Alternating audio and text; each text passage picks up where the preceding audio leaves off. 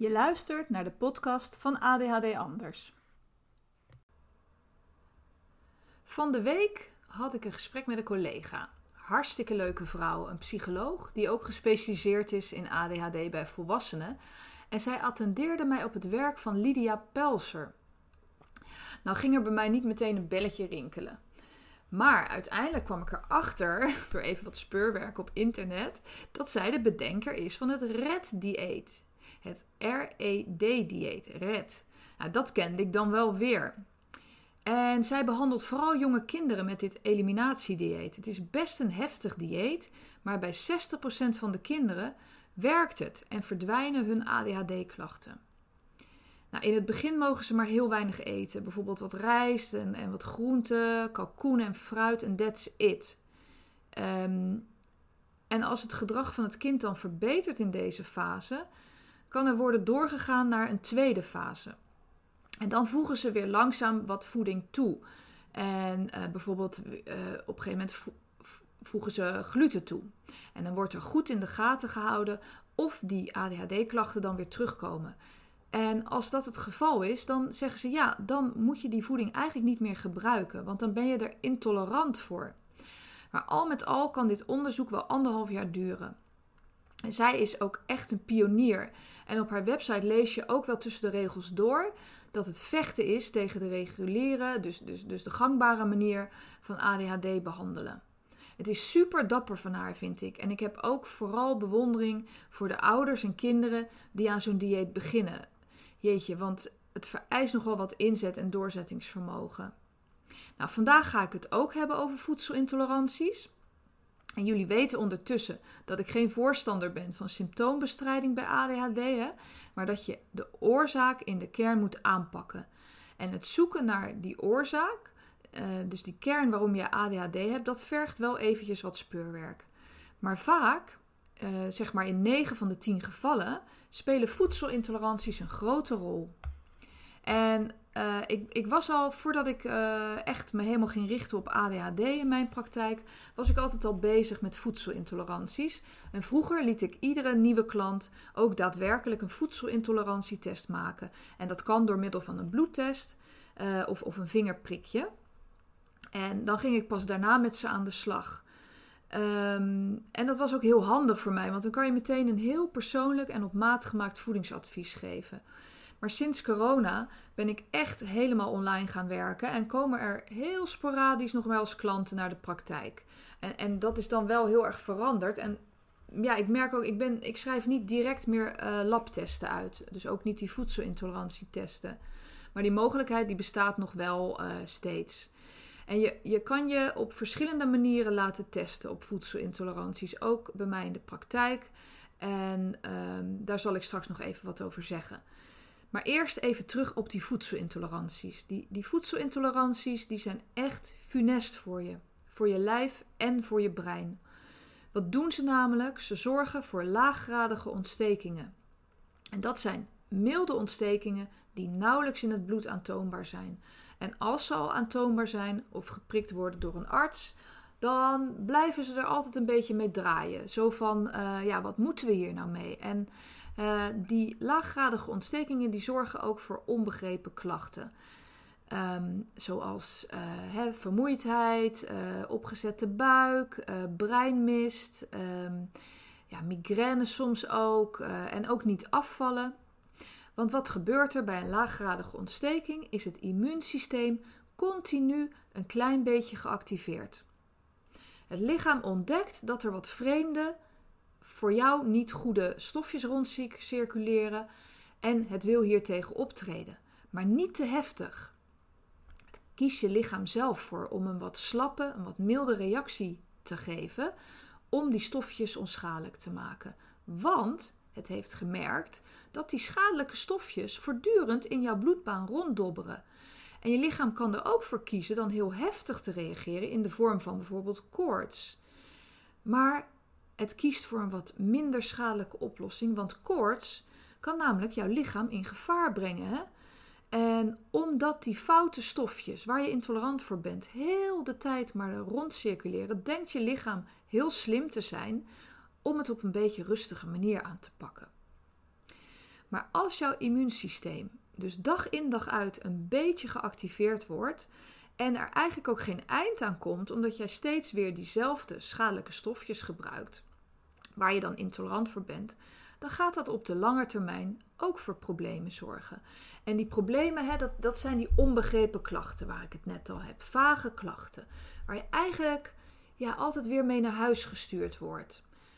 Ehm, by the way, op de lange termijn wordt er nu wel wetenschappelijk bekeken dat er een parallel uh, te vinden is tussen die laaggradige ontstekingen en welvaartsziekten zoals diabetes 2, zoals Alzheimer, Parkinson, uh, botontkalking, aderverkalking, uh, hoge bloeddruk, beroerte en hartfalen.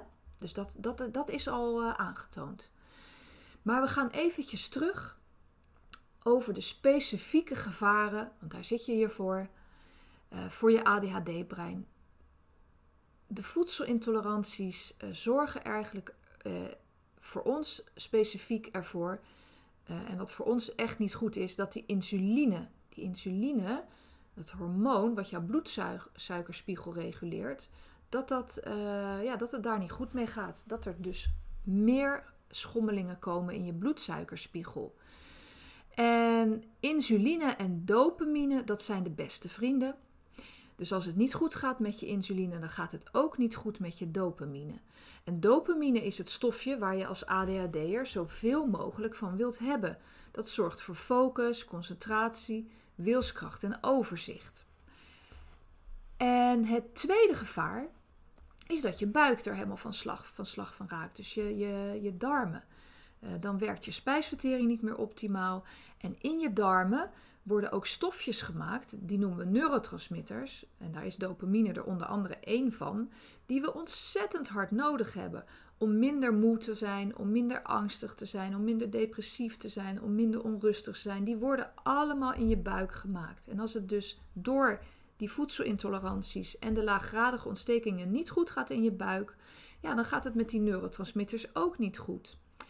En het derde gevaar is dat je brein um, gaat ontsteken. Ook je, niet alleen je lichaam, maar ook je brein gaat een laaggradige ontsteking uh, ontwikkelen. En hier doen ze ook heel veel onderzoek naar bij de ziekte van Parkinson. en dan hebben ze het over neuroinflammatie. Zo noemen ze dan die laaggradige ontstekingen in je brein. Dat kan je allemaal wel opzoeken op internet ook. En daar hebben ze dan over in relatie met uh, Parkinson dat er depressies ontstaan, dat er slaapstoornissen ontstaan. En dat er uh, dopamine producerende cellen ontstoken raken. Nou, allemaal uh, vierde fase hebben ze het over executieve hersengebieden die aangedaan worden. Hè? Dus dan krijg je cognitieve problemen zoals ongeremdheid. Maar ik denk, ja, weet je, als dat dus bij Parkinson al het geval is, ja, waarom zou er dan uh, eigenlijk geen onderzoek zijn naar ADHD of andere breingerelateerde uh, ja, klachten? Zonde eigenlijk. Het is een gemiste kans. Maar ik denk, ja, weet je, uh, als het al bij Parkinson zo is, dan is het bij ADHD ook zo. Het brein is gewoon heel gevoelig daarvoor. Um, eventjes tussendoor nog, wat ik vergeet te zeggen, is dat natuurlijk een intolerantie en een allergie heb je. En wat is nou een allergie? Een allergie geeft een hele heftige directe reactie. En een intolerantie die laat veel langer op zich wachten. Dat kan wel een paar uur tot soms zelfs een paar dagen duren voordat je intolerant bent. Uh, die intolerantie zich tentoonspreidt als het zich al aan de buitenkant laat zien. En daarom is het zo moeilijk om dan het verband nog te zien tussen de voeding die je gebruikt hebt en je intolerantieklacht. Een intolerantie valt dus veel minder snel op dan een allergie. En wij ADHD'ers en ADD'ers, HSP'ers en mensen met autisme, die zijn aantoonbaar gevoeliger voor een aantal stoffen in de voeding. En die stofjes noemt men extrafines. Dat zijn een aantal morfineachtige stoffen. En ik weet niet of je ooit morfine gebruikt hebt, maar daar word je niet bepaald scherp van. Morfine geeft echt een wazig gevoel in je hoofd en, en je bent eigenlijk van het padje af. En daarbij zorgen exorfines weer voor laaggradige ontstekingen. Daar zijn ze weer. En exorfines die vind je in uh, tarweproducten, in gluten, in uh, koemelk, caseïne is het dan. Dat vind je in soja en spinazie. En ik zeg altijd, uh, het is zeker absoluut waardevol om zo'n uh, red-dieet te volgen, zo'n streng eliminatiedieet. Maar naar mijn mening zou je als eerste een maand of drie deze voedingsmiddelen moeten schrappen en dan kijken hoe je je voelt. Dat scheelt in je portemonnee, dat scheelt in je energie, dat scheelt in je. Uh, dan hoef je niet zo heel erg moeilijke dingen te gaan doen. En uh, dat is lang niet zo omslachtig als een eliminatiedieet. Schrap gluten uit tarwe, caseïne uit koezuivel en soja uit je dieet en wees voorzichtig met spinazie. He, want dat zijn de grootste voedselsintoleranties die je tegenkomt. En ik durf ook zo een paar flinke weddenschappen aan te nemen dat jij je dan veel beter, veel energieker, veel gefocuster en veel happier gaat voelen. En uh, ja, je moet dan wel natuurlijk goede alternatieven gaan uh, gebruiken hè, voor, uh, voor die producten. Dus um, ja, kijk even uit met die glutenvrije producten in de supermarkt. Er zijn tegenwoordig enorme grote schappen van. En ja, dat is allemaal marketing. Daar zit heel veel suiker in. Dus daar schiet je dan ook geen, geen moer mee op. Maar als je echt goed bezig bent en die stoffen voor een aantal weken schrapt, hè, dan, dan moet je echt verschil gaan merken. Merk je dat niet, dan is er absoluut meer aan, aan de hand. En dan raad ik je aan om je spijsvertering goed na te laten kijken of echt een grote voedselintolerantietest te gaan doen. Nou, uh, dit soort zaken, dat behandel ik ook allemaal in mijn gratis eh, ADHD eh, Anders community op Facebook. Een gratis groep waar je lid van kan worden en waar ik iedere week een mini-webinar geef. Misschien is het een leuk idee om daar ook uh, lid van te worden. Dus kijk eventjes op Facebook bij de ADHD Anders uh, site van mij. En daarna kan je je aanmelden bij de ADHD Anders community.